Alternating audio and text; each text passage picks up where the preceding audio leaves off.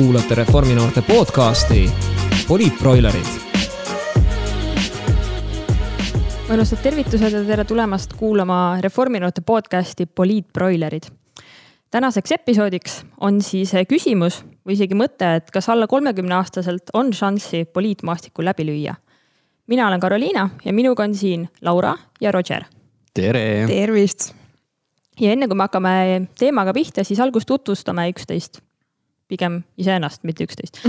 mina olen Karoliina, mina olen äh, Reformierakonna pressisekretär, Tartu klubi juht ja üliõpilane ja lisaks ka kitarriõpetaja. mis sa õpid? õpin riigiteadusi juba teist aastat ja väga põnev on. Nice. Tartu on mõnus linn. Tartu on väga mõnus linn ja mina olen Laura äh,, olen noorsootöötaja, teen äh, Pärnus mobiilset noorsootööd. lõpetasin äh, kevadel Tartu Ülikooli erialal infoühiskond ja sotsiaalne heaolu ja hetkel olen Pärnus KOV-is ka. ja muidu tegelen rahvusvaheliste projektidega, et neid noortele pakkuda, sest need on ka täiega ägedad. On ja minu nimi on Roger Äh, Haapsalu piirkonna esinumber, kandideerin samuti KOV-is ja lausa au olla linnapea kandidaat sel aastal äh, KOV valimistel. aga selle kõrvalt töötan avalikus sektoris Haridus- ja Noorteametis suunajuhina. noorte osalus ja nutikas noorsootöö on need valdkonnad, mis mul südame kiiremini põksuma panevad ja olen ka magistrant õppimas hetkel äh, avaliku sektori juhtimist ja innovatsiooni sellises toredas koolis nagu TalTech ja selle kõrvalt armastan kodanikuaktiivsus samuti. no vot, sellised tegelased siis täna podcast'is on. aga lähme kohe teema juurde, et kuna me kõik eh, kohalike omavalitsuste valimistel kandideerime, siis eh, mis üldse on meie ambitsioonid ja miks me üldse kandideerime? oi, neid ambitsioone on väga palju, aga ma lasen Laural enne rääkida ja äh,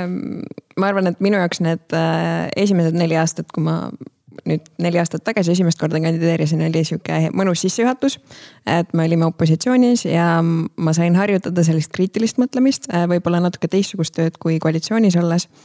ja no minu südameteema on noorte kaasamine ja noorsootöö esiletõstmine, sest hetkel ta veel paraku on kuidagi ühiskonnas tagaplaanil, ehkki tegelikult noh, kõik hädaldavad, et noored ei oska midagi teha ja nad on täiega saamatud, aga noorsootöö õpetabki neid sotsiaalseid pädevusi, mida päriselus vaja on. aga see eeldab ka seda, et äh, linnal on suurem äh, soov noortesse panustada ja noorsootöösse täpselt samamoodi, et see on minu sihuke südameteema, mida ma ka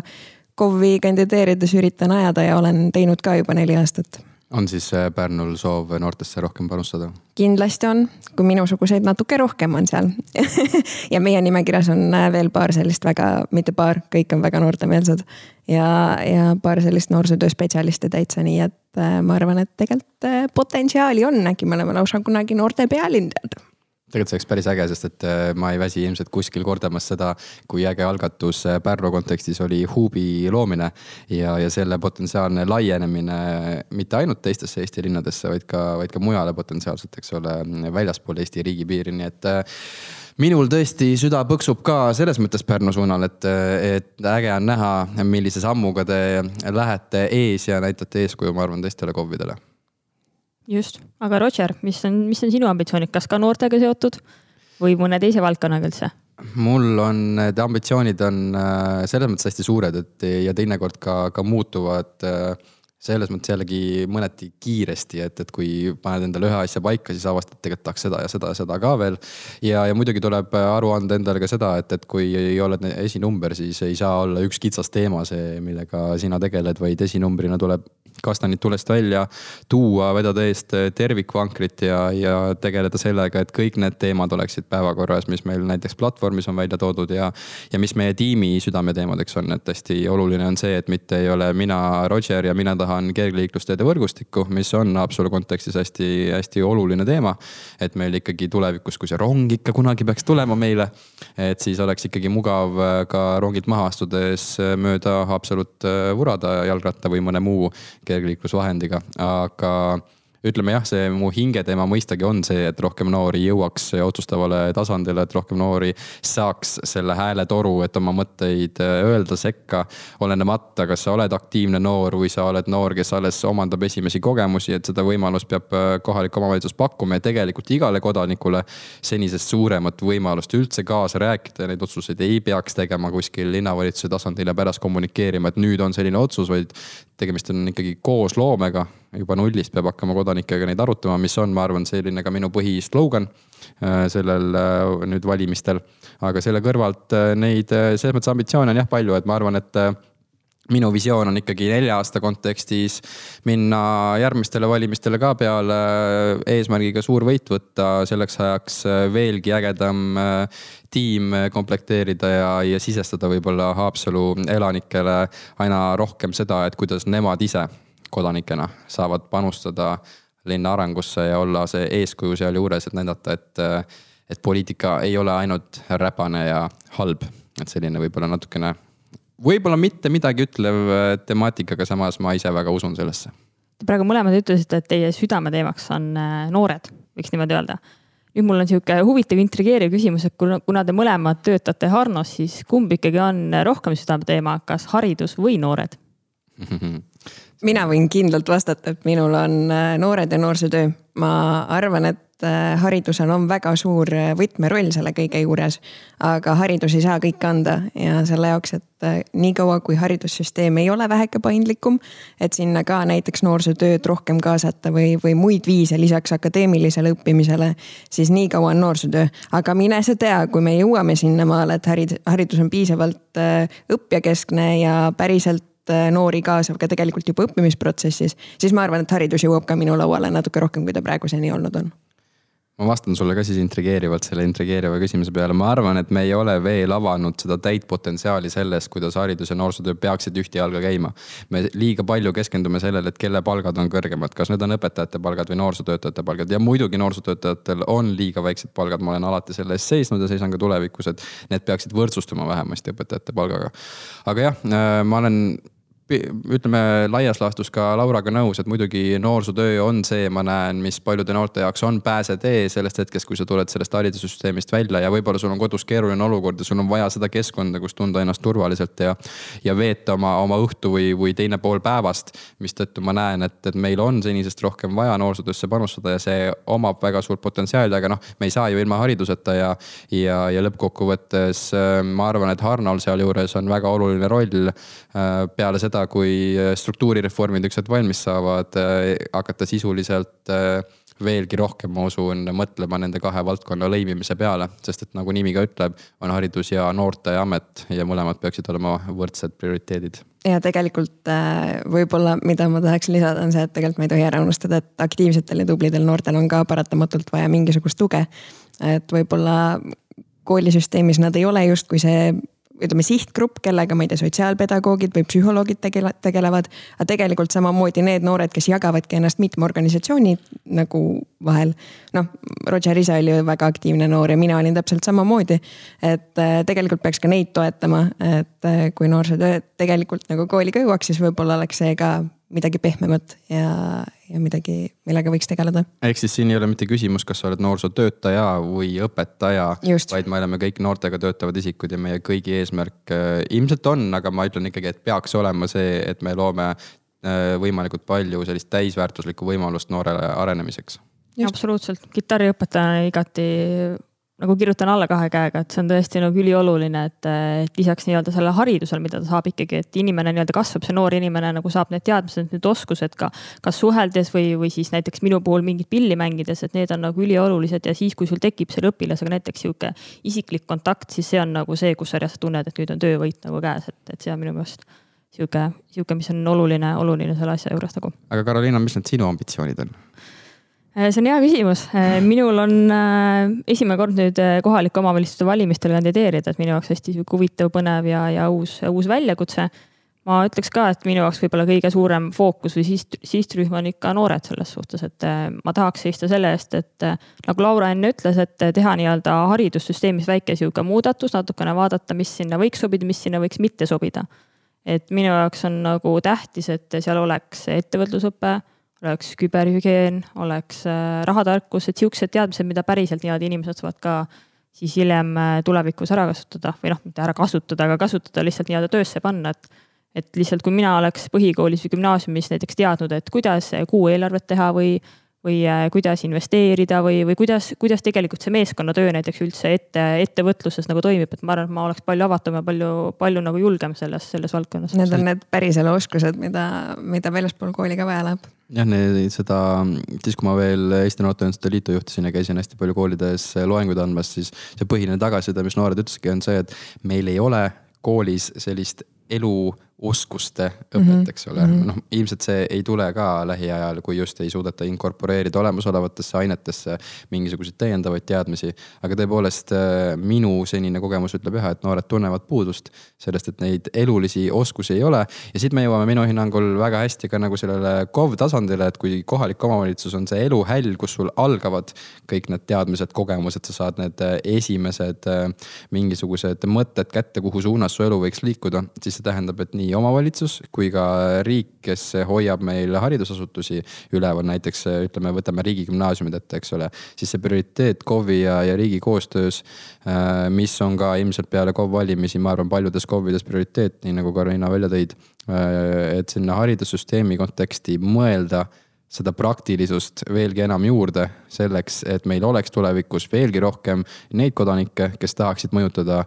seda, mis nende ümber toimub ja see ei tule nagu niisama, et issand, need noored ei taha mitte midagi teha. muidugi ei taha mitte midagi teha, kui sa ei tee seda seksikaks enne.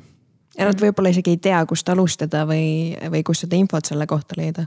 kool on, ma arvan, täitsa, täitsa õige koht selles suhtes et.... kui nagu kooli puhul on see, et kui avatud noorsootöö on nagu vabatahtlik, eks ju, et ma ei sunni seal noort olema, kui ta seda ei taha, siis kool on tegelikult ju natuke nagu sunniviisiline, et tegelikult see on reaalselt see koht, kus on võimalik noori kinni püüda ja seal neile vajalikke teadmiseid anda ka. oota, aga Karoliina, sa nüüd ütlesid, eks ole, et esimest korda kandideerid,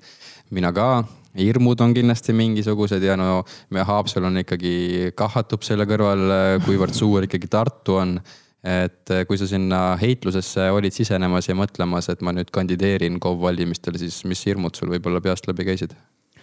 Äh, ma arvan, et mul kõige suurem hirm lihtsalt oligi tegelikult äh, nagu kampaaniat või nii-öelda tänavakampaaniat tehes, mis on tegelikult siiamaani ma ütlen, et see on nagu normaalne, et enne igat sihukest väljaminekut ikkagi on mõte, et mis ma täna räägin, mis, kuidas ma nii-öelda inimeste juurde üldse nagu äh, kuidas ma nii-öelda nende, neid nii-öelda kätte, kätte püüan või nii-öelda kätte saan selles suhtes, et eh, pigem oli nagu see, et kuidas võõraste inimestega suhtlust alustada. et mul ei olnud nagu seda hirmu, et keegi nii-öelda tuleb, ütleb halvasti või midagi, sest alati on neid inimesi, kes ütlevad halvasti, see ei pea olema üldse nii-öelda kohalike omavalitsuste valimistega seotud, et võib-olla lihtsalt, et sa teed midagi ja kellelegi see ei meeldi ja ütleb, aga, aga just nagu jah, see, et, et kuidas nii-öelda alustada vestlust täiesti võõra inimesega, sellepärast et minu jaoks poliitiline välikampaania on täpselt nagu need vennad seal äh, kaubanduskeskustes, kes on, kuule, et siin on LHV mingi kolmas sammas või mingi pensioni asi, et noh. tegelikult sa ju lähed hästi pika ringiga nendest mööda, et miks sa, miks sa nii-öelda peaksid siis minema poliitilise telgi juurde, see oli nagu minu mõte, aga. aga praegu praktika näitab, et tegelikult ei ole üldse nii hullu minul äh, eelmine aasta, kui, eelmine aasta, e-, eelmine kord, kui ma kandideerisin, ma olin kaheksateist ja, ja noh, äsja nagu ma olin abiturient ka tollel aastal ja tegelikult välikampaaniaga seoses mul oli nagu taktika, et äh, ma käin kaasas, ma ei julgenud inimesi kõnetada. ma nagu päris täpselt ei teadnud, kuidas see käib ka, aga meil oli pannkoogi telgid, nii et ma alati mhm. pakkusin, et ma võin minna ja pannkooke küpsetada, sest see oli see, kuidas ma saan nagu panustada mingitki moodi. et äh, võib-olla seda enesekindlust veel ei olnud, aga, aga tahe sees oli olemas. mul on selles mõttes põnev, et äh, kuna mul on esimene kord ja ma olen esinumbris, nagu ma enne ütlesin, siis nagu neid kastaneid on üksjagu palju, mis tuleb tulest välja tuua ja kui sisimas natukene kahtled endas või teinekord mõtled, et ah, ei tea, kas ikkagi see tänavakampaanias, kas ma nüüd lähen kohe sellele naisterahvale või meesterahvale juurde ja mis ma ikka ütlen talle ja mis ta võib arvata minust. siis noh, võib-olla ma näen, et mis minu puhul ongi praegu hästi hea selle esimese kogemuse saamiseks on see, et mul ei ole seda võimalust hetkel, et ah äkki ma ei hakka minema, sest ma tean, et iga põhimõtteliselt kasutamata võimalus kellegagi rääkida võib tähendada kogu meie tiimile väiksemat tulemust, nii et ma peangi ennast äh, sundima inimestega rääkima, mis on hästi põnev, mis ma olen praegu avastanud, see on ikka meeletu, kuidas õhupallid inimestele mõjuvad. ja, ja. mitte õhupallid, vaid seal, mis seal õhupallide sees on. jah, jah, see, kusjuures ma veel seda nagu oma silmaga õnneks nagu kampaania keskel ei ole näinud, et, et noored või, või eakamad äh, selle tühjaks imeksid ja hakkaksid põnevas keeles või, või hääletämbris jutustama. aga ikkagi see, kui põhimõtteliselt põhimõtteliselt äh, sul tuleb äh, poest välja mm, lapsevanem oma lapsega ja vahet pole, mis värvi see õhupall on, mis erakonna õhupall see on. juba see fakt, et see on õhupall, see oli nii üks, üks, üks nii naljakas kogemus, kus ma, me oli ähm, taasiseseisvumispäev jagame Eesti lippe ja õhupallid on kaasas ja lihtsalt inimesed tarretusid poest välja tulles ja esimene asi oli,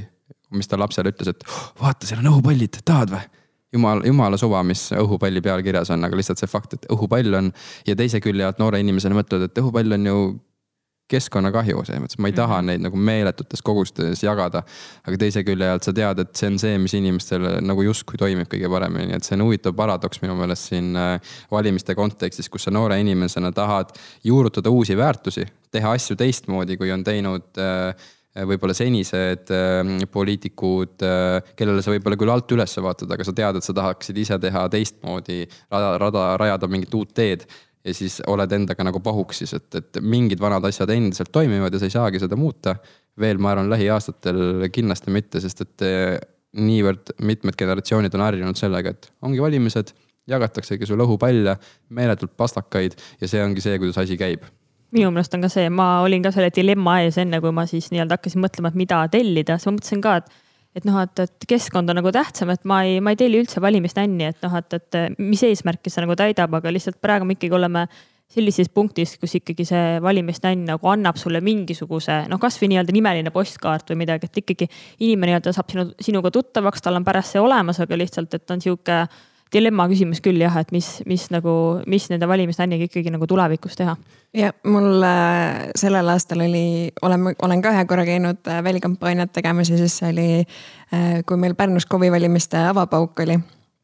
ja siis äh, ma tabasin ennast äh, mõttelt, et kui eelmine kord ma nagu kuidagi tarretusin ja olin äh, väheke kahtleval seisukohal, siis sellel korral ma käisin nii, et mul oli kaasas kaks orava kostüümis inimest noh, see tähendab, et reaalselt, kui inimene tuleb rääkima, siis ta tuleb ju minuga rääkima, eks ju mm. -hmm. et siis äh, vahepeal ma kuidagi äh, tabasin ennast sellelt mõttelt, et oh, issand, ma olen nii suure muutuse enda jaoks nagu teinud. et kuskilt see julgus ja enesekindlus on tulnud, jah. aga nüüd, kui me mõtleme selle peale, et oletame, et me kõik kolm saame volikokku.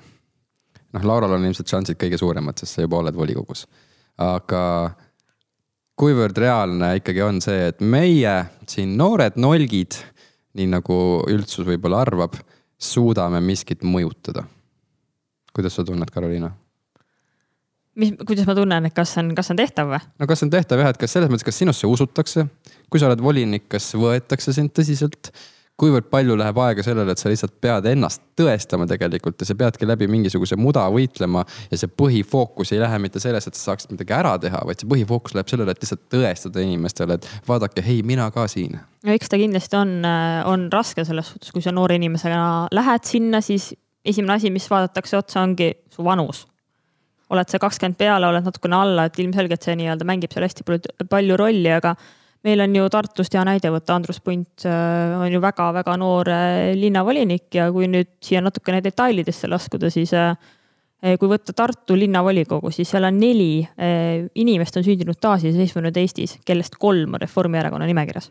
ehk siis meil on kolm liiget, kes on nii-öelda selle kadalipu läbi teinud ja ma võiks, võin nagu öelda, et selle nelja aasta jooksul jah, ilmselgelt neil on raske olnud vanuse pärast, aga, aga see ei ole nagu midagi, midagi ületamatut, et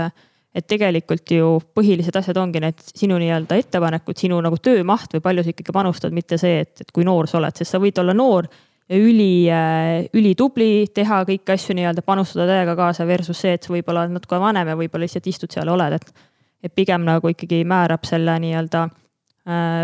nii-öelda sinu staatus ikkagi see, et kui töökas sa seal oled ja mille eest sa nagu seisad ja kui paljult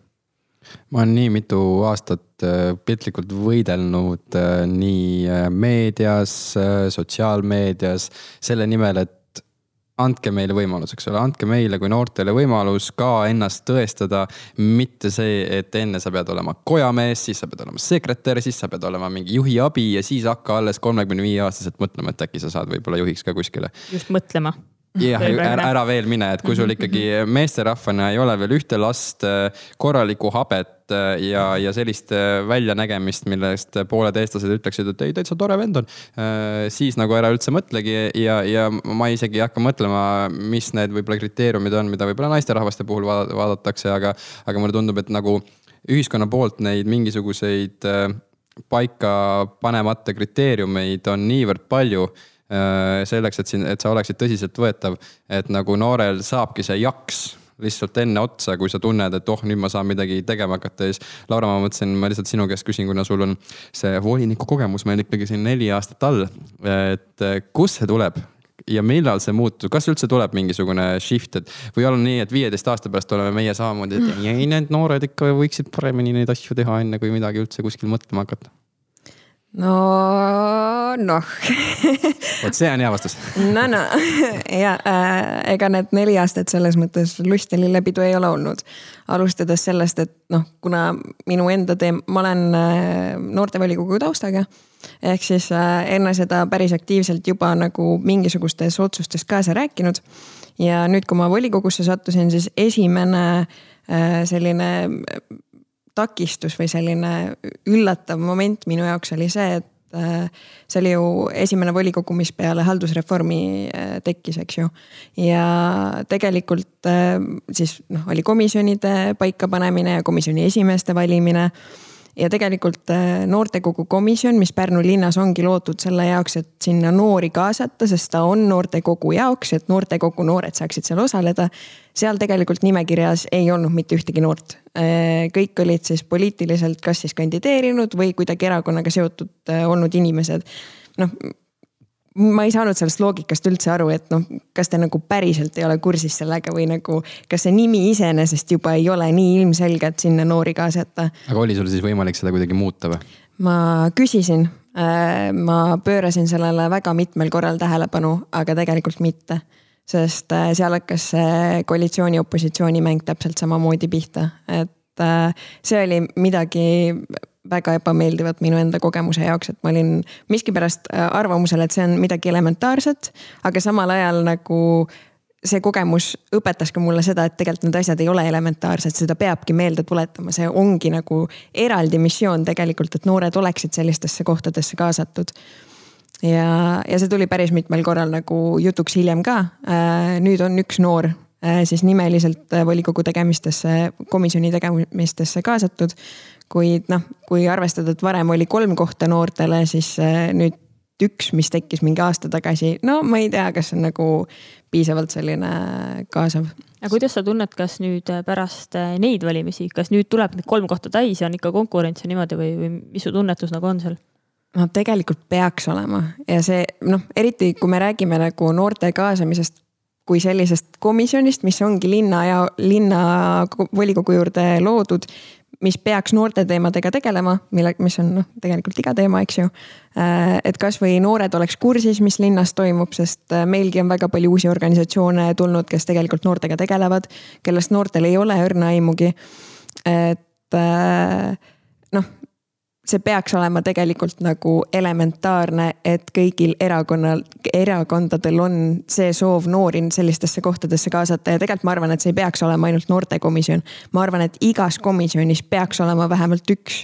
noor, koht siis noorele. ma tean, noored vahetuvad, aga see on lihtsalt nende elustiil, nende põhiroll ongi õppimine. et ma ise nagu maadlesin ka hästi tihti sellega, eriti esimesel volikogu aastal, sest ma olin abiturient gümnaasiumis. ülikoolis sa juba võib-olla veidike rohkem kontrollid enda eriala ja õppimist ja muid asju, et noh, see on su enda vastutus, kuidas sa kohal käid ja kuidas sa kohal ei käi. aga no gümnaasiumi viimane aasta, see oli ka, mul õpetajad vaikselt hakkasid äh, sellist äh, nalja ka tegema, et ma olen nagu Koidula vaim. käisin siis äh, Koidula gümnaasiumis Pärnus. et ma olen justkui Koidula vaim, et sa tead, et eksisteerib, aga sa ei näe teda mitte kunagi mulle tundub, et kui me vaatame seda praegust pilti, mis meil nagu KOV tasandil toimub ja kui palju noortel on võimalik üldse kaasa rääkida, siis seda iseloomustab justkui selline heli. see on väga-väga illustreeriv, ma olen täiega nõus. aga Karoliina, kui me tahaksime, et see heli oleks hoopis midagi sellist siis ma arvan, et ma küsiski sinu käest praegu, et äh, mis asjad tegelikult on üldse KOV valimised, oskad sa selgitada seda noorele, kes võib-olla pole kunagi valinud, sellepärast et kaks tuhat seitseteist ju oli esimene võima-, esimene kord siis võimalus kuueteist ja seitsmeteistaastastel äh, valida ja siin on nüüd äh, kohe küsimus, et kui keeruliseks me seda ajame, hästi lihtsalt öeldes, mis on KOV valimised, on võimalik kõikidel äh, vähemalt kuueteistaastastel äh, inimestel anda oma sõna sekka selleks, et mõjutada seda, mis sinu kodukohas toimub, on hästi lihtsalt kokkuvõttes, sa lähed, valid inimese, keda sa tunned, et võiks sinu häält kõige rohkem kohalikul tasandil volikogus edasi kanda ja nüüd tuleb see üks huvitav aspekt sinna juurde, et siis sa jääd nagu natukene lootma, et ta reaalselt teeks ka midagi ära, eks ole. muidugi siin tulevad hästi paljud detailid mängu, et, et äkki ma annan oma hääle kellelegi, eks ole, kes ei saagi volikokku ja kas see on justkui siis raisatud hääl noh, teise külje alt, äh, kui selline mõte tekib, tuleb endal kohe mõelda, et, et sa tegelikult annad küll hääle inimesele, aga sa natukene annad ka hääle ikkagi tiimile. ja, ja kui sa näed, et selle tiimi näiteks platvorm, mingi äh, konkreetse erakonna platvorm, eks ole Äh, eeldatavasti Reformierakonna platvorm ikkagi on see, mis, mis sind köidab. et siis tegelikult sa annad hääle küll ühele inimesele, aga sellele põhimõttele, et need asjad saaks, eks ole, teoks, mis selles platvormis on olemas ja siis on sul olemas ka tegelikult selline otsene lüli, kellega võtta ühendust äh, kohalikul tasandil, et kui sa näed, et midagi on halvasti või kui sa näed, et see sinu teema, mis sind väga huvitab, võiks kuskile edasi liikuda või tahad lihtsalt teada, et kuhu on midagi liikunud, sest kohaliku omavalitsuse volikogu esindaja ülesanne on ikkagi vahendada seda infot kodanikele, mis seal toimub. ja nüüd mis on nagu KOV-i puhul äh, hästi oluline tõepoolest on see, et kõik, kellel vähegi aega, võimalust, äh, tahtmist, äh, soovi, et läheks valima ja kui kunagi jällegi käisin koolides rääkimas, siis küsiti, küsisin, et kas lähete valima või ei lähe valima. no esimene vastus kaks tuhat seitseteist aastal paljudel noortel, kes tol hetkel kuusteist oli, ütlesid, et ei, ma ei lähe valima no ja siis ma kratsisin natuke kukalt ja mõtlesin, no miks sa siis ei lähe valima. aga see ei mõjuta ju niikuinii midagi, mis see minu üks hääl ikka mõjutab. ja siis me vaatame mõnda väiksemat kohalikku omavalitsust, kus reaalselt ühe või kahe hääle vahega oleneb, kas Mari või Peeter saab sisse või ei saa eriti see jah, võib-olla me räägime Tallinnast ja Tartust sellest, et see ei pruugi nagu noh, ütleme, on väiksem tõenäosus, et ühe hääle vahe niivõrd palju mõjutab, kui näiteks äh, väiksemates kohtades alates mingisugusest, ma ei tea, Sauest või, või Võru linnast või, või, või võib-olla Hiiumaalt või kuskilt, eks ole, et seal mängib väga palju rolli see, et ikkagi iga noor läheks ja, ja prooviks ikkagi selle läbida, selle kogemuse kätte saada, mis tähendavad kohalikud valimised ja üks huvitav statistiline number teile siia. kaks tuhat seitseteist aastal, kui siis esimest korda said kuueteist ja seitsmeteistaastased valida, siis äh, enamus noored tervelt, tervelt kaheksakümmend üks protsenti noori käisid ja andsid oma hääle äh, füüsiliselt ehk siis, kui me võiksime eeldada, et noored on rohkem digiteadlikud ja lähevad e-valima, siis kaks tuhat seitseteist aastal äh, Kantar Emori uuring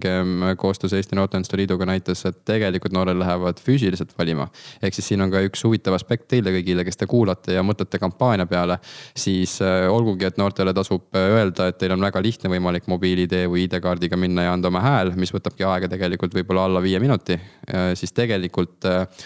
noortel on soov saada see esimene kogemus kätte, et mis tähendab ikkagi selle lipiku kuskile kasti panemine. võib-olla lisaks mul on äh, noorem õde, äh, kes oli, sai no natuke enne seda kuusteist ja siis ta oli ka noh, otsustas, et keda ta siis valima läheb ja, ja siis äh, soovis minuga läbi arutada, et ma ju tean natuke rohkem poliitikast kui tema ja siis me lappasime kõikide erakondade platvormid läbi. siis ta otsis inimest, kelle poole poolt oma hääl anda, me tegelikult oleme samas omavalitsuses ja, ja siis äh, temal oli ka kindel soov, et tema tahab minna ja füüsilisel kujul anda, sest see on nagu päris tunne, et sa nagu päriselt hääletad. mitte, et see hääl kuskile haihtuks, aga see oli nagu justkui selline suur asi, siis ta tegi seal mingeid selfie sid asju ka seal valimiskampaania, selles äh, kabiinis. minu meelest äh, jah, ma lihtsalt enda kogemuse pealt tean ka, et esimene kord on ikkagi see, et sa saad selle kogemuse kätte, sa tunned, et nüüd sa oled mm -hmm. nii-öelda see aktiivne kodanik, kes saab käia valimas ja kes käib valimas aga kõik järgnevad korrad ma olen digis mm -hmm. hääletanud, et minu meelest on see nii loomulik ja kuidagi lihtne, et aga lihtsalt ma Muga. saan aru, ma saan aru sellest esimesest korrast, et siis see reaalselt see on sihuke ikkagi esimene kord ja selline jääb meelde, et selles suhtes on, on, on see loogiline. mul, mul samamoodi, ma olen kõik peale esimese tegelikult veebis hääletanud, et, et üli, ülilihtne on oma hääl kiiresti ära anda. mina ei ole kordagi füüsilisel kujul hääletanud, ma olen ikkagi. kas seekord? ma ei tea veel, kaheksateist või kaheksateist, seitseteist oktoober on ju veel tulemas, ma saan otsustada siin no just ja see oluline fakt, faktor ka, eks ole, et, et sul on piltlikult nädal aega võimalik hääletada ja, ja, ja võib-olla asi, mis äh, ajab paljusid segadusse, on see, et kui sa annad oma e-hääle ära, siis tegelikult sa võid seda e-häält muuta mitu korda, eks ole, mis on tekitanud muidugi väga palju arutelusid, kas see peaks nii olema, et sa mingisugune justkui viis korda vahetad, kelle poolt sa hääletad. ja siis sa lähed pärast veel füüsiliselt hääletama, näiteks seitsmeteistkümnendal oktoobril, eks ole, ja siis justkui see äh, mängib üle selle hääle, mis sa veebis andsid, et siin on mingid nüansid, millele muidugi detailideni ei tasugi siin podcast'is võib-olla laskuda, et neid, ma arvan, erinevaid õpetusi ja nüansse tuleb nii videovariandis kui ka veebides välja, aga mis ma tahan nagu kindlasti ära mainida, on see, et. et kui sa hea noor, kes sa meid kuulad, mõtled, noh, ma loodan, et sa ei mõtle selle peale, et kas minna valima aga oled mõtlemas, kelle poolt hääletada, siis ma arvan, et kelle iganes poolt sa hääletad, siis see kõige suurem kasutegur mis tuleb sellest, et sa üldse lähed valima, on tegelikult see, et see kohustab Äh,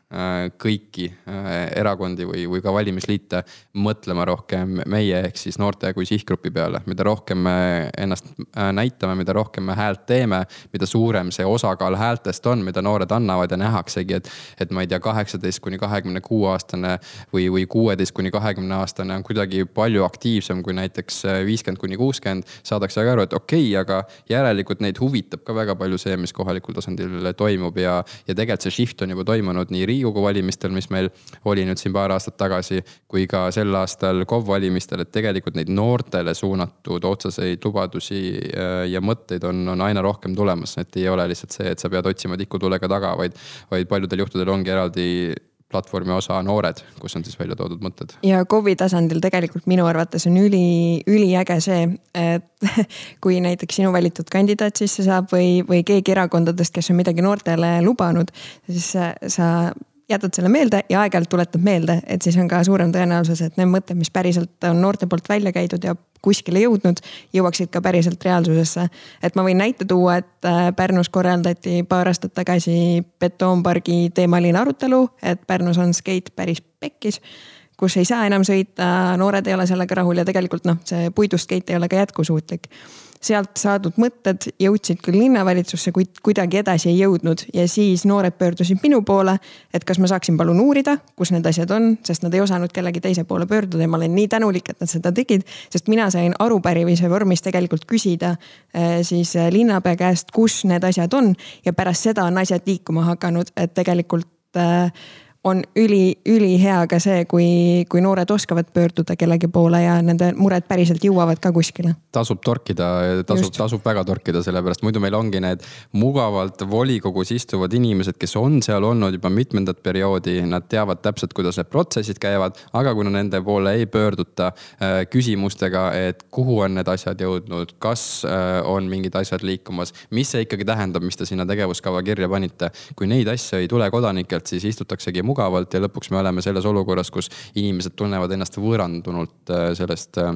äh, kohaliku tasandi otsustamisest ma lisaks siia juurde, et minu meelest on ülihea võimalus valimistel ka teha niimoodi, et sa annad oma hääle noorele, kui sa oled noor, sa annad mm -hmm. enda hääle noorele. ehk siis sinu eakaaslane tegelikult peaks päris hästi aru saama ka sinu kodukohas, mis on need probleemid, mis sulle nii-öelda korda lähevad, mis ka talle korda lähevad. et siis on minu, minu meelest sellel häälel nagu veel suurem võim kui see, kui anda seda võib-olla vanemale inimesele. kusjuures äh, noh, Pärnus tekkisid äh, nüüd plakatid, äh, ühe plakati peal on minu nägu ka ja pärast seda on mulle noored personaalselt küsi-, nagu küsimusi esitanud. et no mis need asjad on, mis nagu noorte heaks võiks ära teha, on ju, mis on meil juba platvormis sees, aga samas nad on ka kirjeldanud mulle, mis päriselt on nagu need probleemid, millega millega peaks tegelema. et ka neid nagu edaspidi arvestada, et äh, ma arvan, et see on täiega okei okay,, kui sa ka kandidaadiga ühendust võtad ja täpsustad, et äh, mis need tema sihid ja mõtted on kui sa enne tõid välja selle skatepargi teema, siis äh, siin on üks asi, mis on mul vist elu lõpuni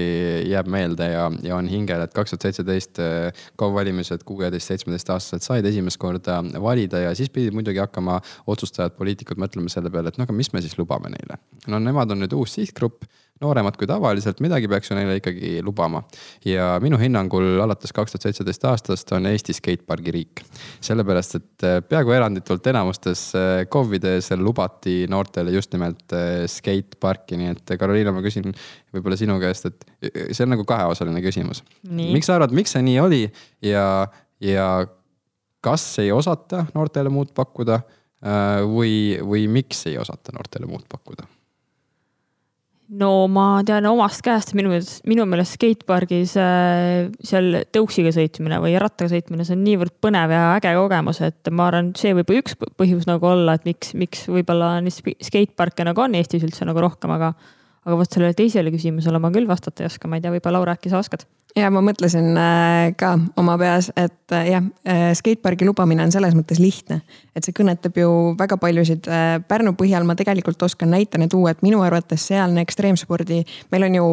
ekstreemspordikeskus Raba viis, kes tegelikult siis siseskeidis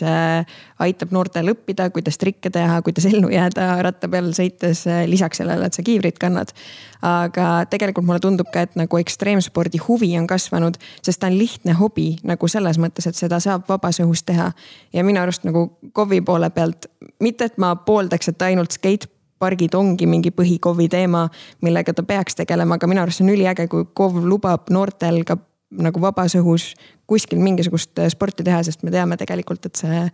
Äh, ülekaalulise, ülekaalulisuse näitaja kasvõi on ju Eestis päris kõrge. et see, kui nad natukenegi sporti saavad teha sellisel kujul, siis minu arust see on täiega teretulnud. aga ma olen nõus, see ei ole põhiteema, millega KOV-i tasandil noorte mõistes tegeleda. noored saavad väga hästi, mis päriselt ka toimub. et äh, noh, meie enda KOV-i platvormi pealt ma oskan näite tuua, et äh,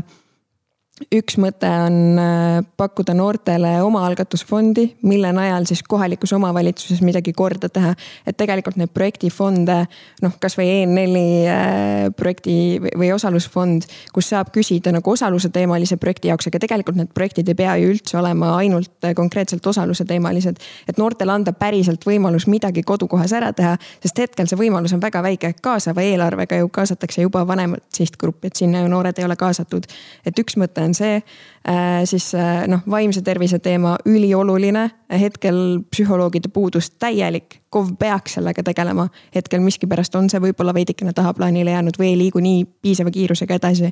ja taimse toidu äh, valik näiteks koolis noh, ka tegelikult tänases mõistes juba elementaarne valik, et sa saad minna koolis sööklasse ja valida, kas sul on taimne toit või loomne toit. ilma, et sa peaksid valima, kas sa oled vegan taimetoitlane või loomse toidu armastaja noh, sa võid ühel päeval valida ühte ja teisel päeval teist, me räägime tasakaalustatud toitumisest. et see on ka minu arust üks KOV-i teema, millega peaks tegelema nagu väga jõudsalt. kaasava eelarve puhul on muidugi see, et seal on see põhiküsimus, et kas see on nagu noorte jaoks seksikaks tehtud või ei ole, et, et kui ta on äh, omavalitsuse keskkonnas, mis on väga arhailine ja, ja eeldab, et sa oled nagu kokku puutunud selliste äh, veebisüsteemidega ja, ja tead, kuidas esitada vajalikke dokumente selleks, et su mingisugune otsus läbi läheb. et siis ta tõepoolest justkui on suunatud nagu vanemale inimesele, noh, võib-olla inimesele, kellel ongi juba kogemust ka tööalaselt kirjutada midagi kokku, sest et kui mina olen näiteks Haapsalu kontekstis kaasava eelarve ettepanekuid vaadanud, siis need ongi tõepoolest enamasti mingisugused MTÜ-d äh, või kodanike grupid või, või teinekord ka erafirmad, kes äh, on harjunud sellega, et, et selleks, et midagi saada, peab nagu natukene nõudma ja, ja ootama seda kaasavat eelarvet. aga kui ma vaatan nagu selle pilguga, et nüüd, kui mina, Roger, oleksin neliteist ja tahaksin seal kaasavas eelarves nagu oma mõtteid kaasa öelda, siis no ei kutsu absoluutselt absoluutselt, sellepärast see tundub mingi meeletu bürokraatlik jama, mis seal on tehtud. ma olen täiega nõus, äh, noh minu mõistes see noorte omaalgatuslik fond võib-olla ongi väiksema summaga ka, et äh, noor saaks harjutada ja proovida. ja, ja kuskilt peab see kogemus ju tulema, et äh, noh, kasvõi koolides või oma kodukoha, sest minu arust see vähemalt nagu suhestub ülihästi nagu kui sa saad päriselt käed külge lüüa oma kodukohas. siis see nagu seob sind ka natukene rohkem ja paneb sind hoidma enda ümber olevaid asju. aga kaasava eelarve koha pealt minu arust Tartul ju on äh, väga noorest vanusest ka saab hääletada. neliteist vist. jah, on neliteist, ülieeskujulik nagu üliäge. siin on mul, mul on muidugi Tartuga alati üks kana kitkuda see mulle aastaid juba ka Tartuga kana kitkuda. ma ei tea, kas ma saan vastata, aga. ei saa, Andrusega ma olen, härra Pundiga ma olen sellest palju rääkinud, aga, aga mm, kaasav eelarve ideaalne, eks ole, neljateistaastane saab hääletada ja siis me vaatame noorte, noortevolikogu vanust, kes saab sinna minna ja siis, kui sa oled nagu kakskümmend, see on no, kaputt, eks ole, enam vanemad sisse ei saa. ja me räägime ülikooli linnast, me räägime ülikooli linnast, kus sul ongi meeletu mass tudengeid, kes on kakskümmend pluss. ja, ja see eeldus on, et minge ainult tudengiorgidesse ja ärge rääkige linna juhtimises läbi noortevolikogu kaasa. aga noh, see on muidugi minu taustast tingitud väga personaalne vimm, äh, millest ma olen aru saanud, ma olen kõikide inimestega rääkinud, kes seda on nagu eest vedanud, aga, aga see ongi hästi huvitav, need kaalud on nagu kaasaeelarve neliteist, väga hea, super luks, annate noortele võimaluse. Äh, noortevolikogu panete piiri peale, et kakskümmend saad, eks ole, siis noh, ütleme, et vaata edasi, kus teises keskkonnas sa võiksid kaasa rääkida, et see on võib-olla lihtsalt asi, mis nagu minule pähe ei mahu, sest et ma näen, et see võiks olla teistmoodi väärtustega. Aga, aga teise külje alt äh, tõepoolest, kuna see argument natukene on ka see, et Tartus on nii palju tudengiorganisatsioone, sest see on ikkagi ülikooli linn, siis tõesti neid väljundeid äh, kuidagi enda aja sisustamiseks on niivõrd palju teisi ka olemas, et võib-olla ei pea olema noortevolikogu see põhisihtpunkt ja äh, siht, sihtgrupp, kus võib-olla toimetada. Ja mis ma tahtsin veel selle KOV teemal kaasa öelda, mis puudutab neid lubadusi, mis noortele pakutakse, siis skatepark on selles mõttes tõesti väga lihtne asi, sa lubad selle välja. sa ilmselt mingisuguse hanke korras äh, kuskil seal kahekümne kuni viiekümne tuhande euro vahemuses, ma arvan, äh, tellid mingisuguse skatepargi, loodetavasti mitte kõige odavama puidust variandi, aga tänapäeval me räägime juba pump track idest ja. ja me räägime, eks ole, betoonist erinevatest võimalustest. ma tean, et kusjuures Narva tuleb mingi väga äge lahendus, siin mõni aeg tagasi käisin Narvas ja seal on päris suurelt ette võetud noortekeskuse kõrval minu meelest tulebki betoonist pump track'i laadne asi, et ma juba ootan, kuni see kunagi valmis saab, et ma saan minna üle kaema, et kas see on nii äge, kui ma enda peas ka ette kujutan ja nii, kuidas seda räägitakse. aga teine asi, lisaks sellele, et meil on ka Haapsalus platvormis omaalgatuse fondi loomine sees, siis äh, neid teemasid on selles mõttes niivõrd palju, et kui me räägime kergliiklusteedest, ka väga noortele suunatud, eriti kui sul on nagu hajaasustusega piirkond ja kui me võtame näiteks Pärnu linna, eks ole, nüüd peale haldusreformi te olete üks Eesti suurimaid äh, linnasid territooriumi mõttes ja. ja niivõrd oluline on, et need noored, kes ei ole nagu linnas sees, eks ole, vaid on väljaspool, saaksid mugavalt, turvaliselt äh, liikuda linna suunas. meil Haapsalus samamoodi endine Ridala territoorium on see piirkond, kus ei, kuhu ei ole mitte ühtegi kergliiklusteed äh, viidud. selleks, et saaksid inimesed tulla rahulikult saada teenuseid siis Haapsalust muud vii-, muul viisil kui autoga. et, et see on ju noortele samamoodi äh, väga oluline, sest kunagi ma küsisin noorte käest Haapsalus, meil oli sihuke gäng äh, terroriseerisid Haapsalu kaubamaja pidevalt. sain selle juhiga väga hästi läbi, mina ei olnud gängis, igaks juhuks ütlen. olin tol hetkel noortevolikogu juht ja siis ma sain temalt kõige paremat sisendit selle kohta, kus ei põle tänavavalgustus, kus on ülekäigurajad puudu turvalisuse mingisugused kitsaskohad. ja, ja see ongi see asi, millele me tegelikult peaks rõhku panema, mitte nagu asjadesse, et mis ma annan noorele, et näe, säh, mine oma tõuksiga, eks ole, kuskile skateparki. vaid pigem just see, et mis see reaalne sisuline muudatus on, mida vajab sinu kodukoht, et sa tunneksid ennast seal mugavalt, turvaliselt.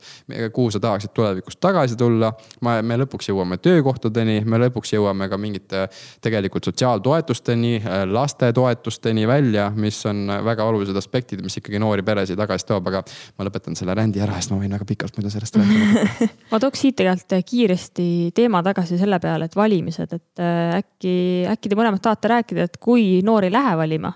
kas see, kas see on ka valik? mina ütleks, et on valik jah, see ju peegeldab ka seda, et sa ei, ei ole endale leidnud sobivat inimest, kes äh, sinu mõtteid äh, ka edasi viib. et noh, kui sa tajudki, et see nii on, siis noh, ma ütleks, et ära hääleta ikka. Aga,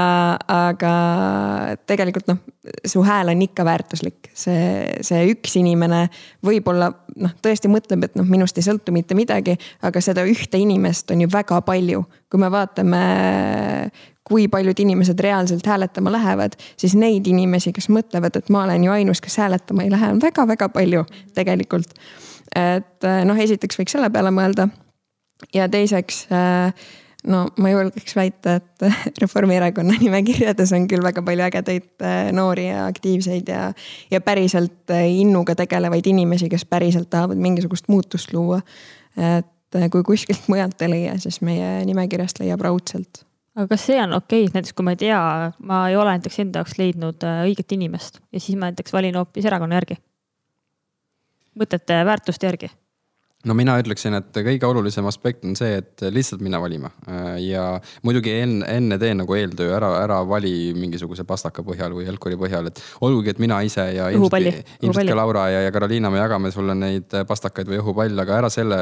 pinnalt palun jumala eest oma mingisugust valikut tee ja ka mitte selle põhjal, et sul on nagu tore traktorist Ono Vello, keda sa tead väga hästi ja sa tahad teda nagu volikogusse valida. Need on viimased aspektid, mille üle peaks üldse otsust tegema või laskma oma vanematel mõjutada, kelle poolt peaks hääletama et see on ikkagi sinu enda otsus. Äh, ja isegi kui ta ei ole Reformierakonna kandidaat, ma arvan, et me tegelikult saame selles osas nõustuda, et kui sa tõesti tunned, et noh, on keegi teine, kes rohkem sinu vaateid esindab, no by all means vali keegi teine, aga lõppkokkuvõttes on ikkagi see, et sa tunned, et sina oled äh, volitanud kedagi äh, enda mõtteid andma edasi ja see annab sulle juba natukene võib-olla usku ka sinu kohalikku omavalitsusse rohkem ehk äkki Äh, lõpuni ei saa kindel olla. et, äh, et tegelikult tehakse ka sinu jaoks midagi ära ja selle küsimuse juures, mis sa Laura käest küsisid, noh, mina ütlen, et valimata jätmine on kehv valik. Aga ikkagi valik. ta on kahjuks valik, aga ta on kehv valik, sest et mina olen väga sellel seisukohal, et äh, kui sa ei lähe valima, siis mõnes mõttes sul ei ole õigus ka pärast kritiseerida. sellepärast, et sa oled jätnud nagu ühe ähm, osa oma panusest andmata, mis võtab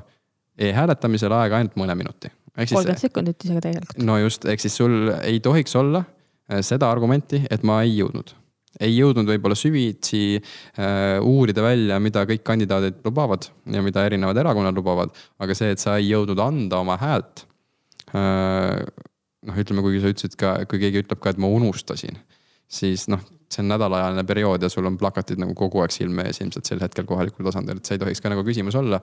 ja, ja tulebki aktsepteerida, muidugi ma tean inimesi ka oma tutvusringkonnas, kes ei ole valimas käinud kes ei plaani minna ja ka minu suunised ei pane neid ümber mõtlema, sest nad on lihtsalt pettunud. Nad on lihtsalt pettunud kohalikus poliitikas ja nad ei näe, et midagi muudab, et nende otsus midagi muudab aga, aga kui vähegi võimalik, ma nendele inimestele tahaksin lihtsalt üks-ühele rääkida ja öelda, et reaalselt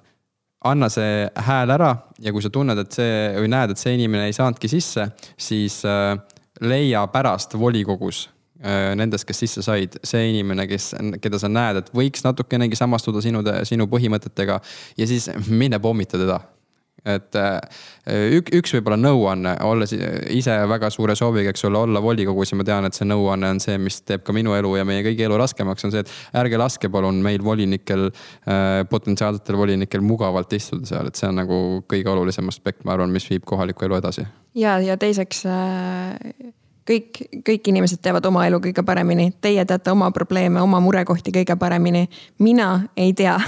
äh, mis on näiteks Rogeri kõige suuremad mured praegu. aga kui ta neid minuga jagab, siis ma äkki oskan neid ka lahendada või. väsimus no näiteks on ju, et äh, siis ma oskan neid ka äkki lahendada või mingisuguseid suuniseid anda, kuidas, äh, kuidas seda edasi liikuma panna, et ta ei tunne, et ta ei tunneks ennast nii väsinuna. et ma ütleks selle ka veel siia juurde, selle mõtte no super, ma vaatan, et meil siin äh, aeg armutult äh, tiksub ja tiksub, mis tähendab, et äh, ilmselt on aeg kokkuvõtvateks lauseteks. nii et hea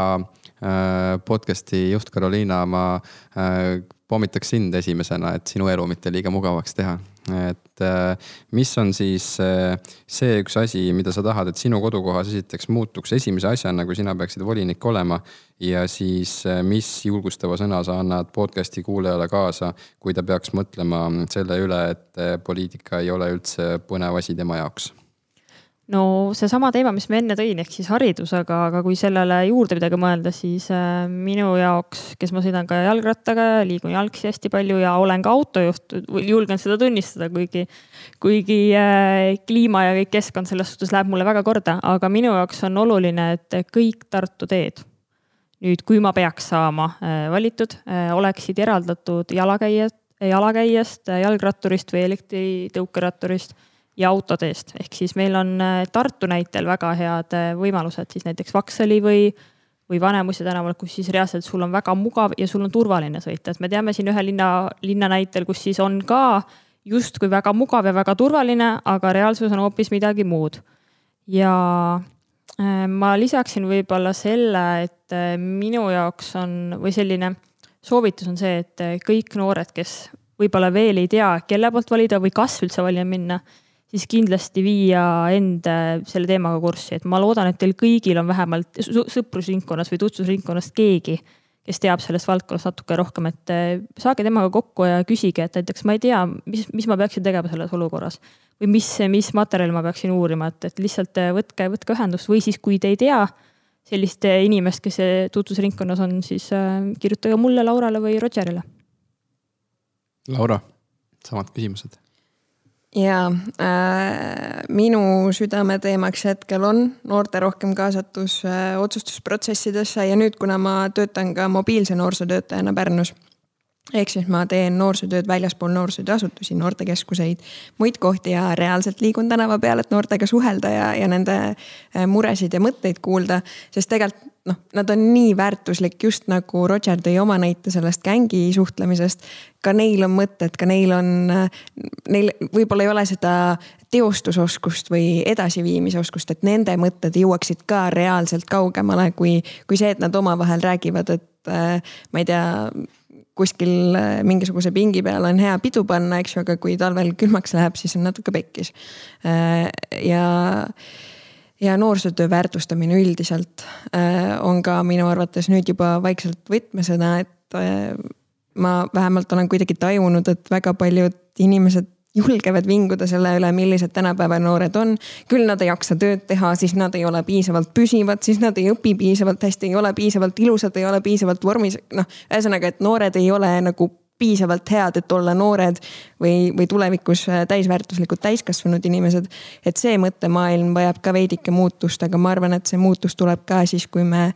viime rohkem kokku neid inimesi, kes päriselt noortega töötavad otsustajatega, et neil on laiem platvorm kui see, et nad aeg-ajalt, kui keegi kuskil arvamusloos kommenteerib äh,, kuidas noored käituvad äh,, siis mingi vastulausena, et noored tegelikult on normaalsed inimesed tegelikult neil peab olema laiem platvorm ja, ja selle väärtustamine on ka üks nendest asjadest, mis minu, minuga kaasa tulevad neljaks aastaks veel. ja nendele noortele, kes võib-olla veel kahtlevad, kas minna, kelle poolt hääletada, miks minna, mis sa neile ütleks? Minge ikka.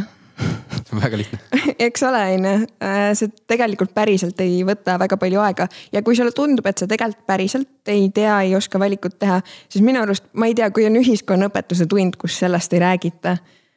siis ma ei tea, miks sa oled ühiskonnaõpetaja, ma ei taha üldse öelda midagi halvasti, aga päriselt see on nagu reaalselt praegu see hetk, kus sa saad noortele näidata, mis on platvormid, kuidas äh, valida, kuidas sealt edasi minna, et kui noor läheb koolist ära, siis ta teab, kuidas oma valikut teha noh, kui, kui sul on õpetaja, kes seda praegu ei paku või ei ole sellele tähelepanu pööranud, siis ma arvan, et noortel on väga hea võimalus ettepanek teha, et äh, ma ei tea, kutsuda erakondadevaheline debatt kooli, kus äh, kuulata erinevate erakondade mõtteid või, või lihtsalt ühiskonnaõpetuses päriselt neid platvorme läbi käia, et äh, mul endal oli väga hea ühiskonnateadus või ühiskonnaõpetaja, kes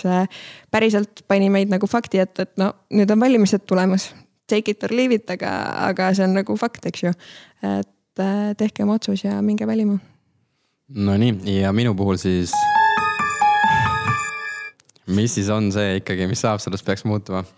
äh, no mul on nagu asjad, mis on nagu sellised utoopia suurel, kaugel nelja kuni kümne aasta visioonid, mis peaksid Haapsalus kindlasti muutuma selleks, et me jõuaksime lõpuks Pärnule ka kuurortlinna mõttes järgi, mitte me ei oleks ainult kohvikute pealinn, kus on suvel American Beauty Car Show, joogafestival ja veel mõned ägedad sündmused. aga et seal oleks ka reaalne sisu taga, kuhu tahavad inimesed tulla, mitte ainult oma vanaduspõlve veetma, vaid tegelikult ka noore perena seada üles oma elu. noh, ütleme, me oleme kuurortlinn, nagu nimi meile ütleb, äh, meid tuntakse mõne spa järgi, kuskil pidavat ka ravimuda olema. aga reaalselt äh, meil ei ole ühtegi kohta, kus kohas oleks võimalik ujuda, meil ei ole korralikku välja arendatud rannapromenaade, nii nagu on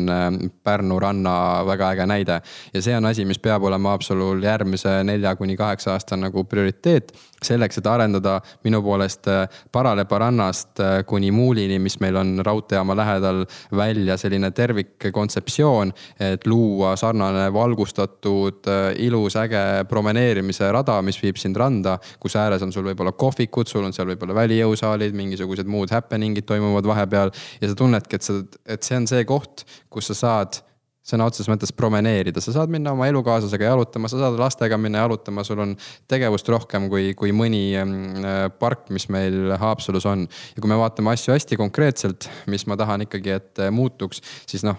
me jõuame lõpuks sinna, et kui meil naabervallas on sada nelikümmend eurot suurem äh, sünnitoetus, siis arusaadavalt, miks Haapsalusse ei tule inimesi sisse kirjutama, et käärid on liiga suureks lastud. ja teisalt äh, ma tunnen ikkagi, et see põhiline aspekt, mis peab koheselt muutuma, on see, et äh, mitte ainult külavanematega ja, ja noortevolikoguga tihedam koostöö, aga, aga linnapea ülesanne on olla näoga võimalikult palju rahva suunas, teha vajadusel mingisuguseid, nii nagu kunagi keskplatsil Agoraal tuldi kokku ja hakati vaidlema, samamoodi teed neid kokkusaamisi Covidi keskkonnas nii palju kui võimalik äh, ja räägid reaalselt inimestega, aktsepteerid eriarvamusi, kuulad neid ära ja annad võimaluse inimesele ventileerida, ventileerida ja, ja kaasa rääkida. Ja, ja noorele inimesele, kes äh, võib-olla mõtleb, äh, kas minna valima või mis need äh, teemad üldse on, siis ma paneks taustale sellise toreda muusika, samal ajal kui ma ütleks neile kõigile, et kui sa tunned, et, et sa tahaksid natuke rohkem ikkagi olla kursis sellega, mis su ümber toimub, tahaksid omada suuremat kapatsiteeti kontaktide mõttes äh, ja, ja omandada uusi kogemusi. siis esimene asi on ju väga lihtne, mida me kõik kindlasti teame, et liitu Reformi noortega väga, väga, väga lihtne, et muidugi natukene on imelik, et mina, kes ma ei ole äh, Reformi noor hetkel veel, et, et seda ütlen, aga, aga ma olen juba selles mõttes kakskümmend kuus ka ja kui sa oled meid kuulamas, kes sa oled neli, viisteist näiteks, siis on nagu viimane aeg seda teha. Äh, et liituda ühe ägeda seltskonnaga, kus mina tunnen, et olen saanud väga palju ägedaid kontakte. aga teine asi on see, et äh, ainuke asi, mis juhtuda saab, kui sa lähed valima, on see, et sa saad reaalselt kogemuse võrra rikkamaks. nii et mine, tee see valik ära mm, ja siis äh, pärast pommita neid volinikke oma küsimustega väga mõnus ja ma arvan, et nende mõnusate soovitustega tegelikult ka lõpetame, lõpetamegi. Nii et aitäh sulle, Laura, aitäh sulle, Roger ja ja kuula, ma arvan, ka meie järgmisi podcast'e, mis siis nüüd äh, üsna pea välja tulevad. aitäh teile kõigile ja. selle põneva arutelu eest. aitäh. ja, ja, ja, ja jääme lõpetama siis selle armsa äh, muusikasaatel, olge tublid. tšau, tšau..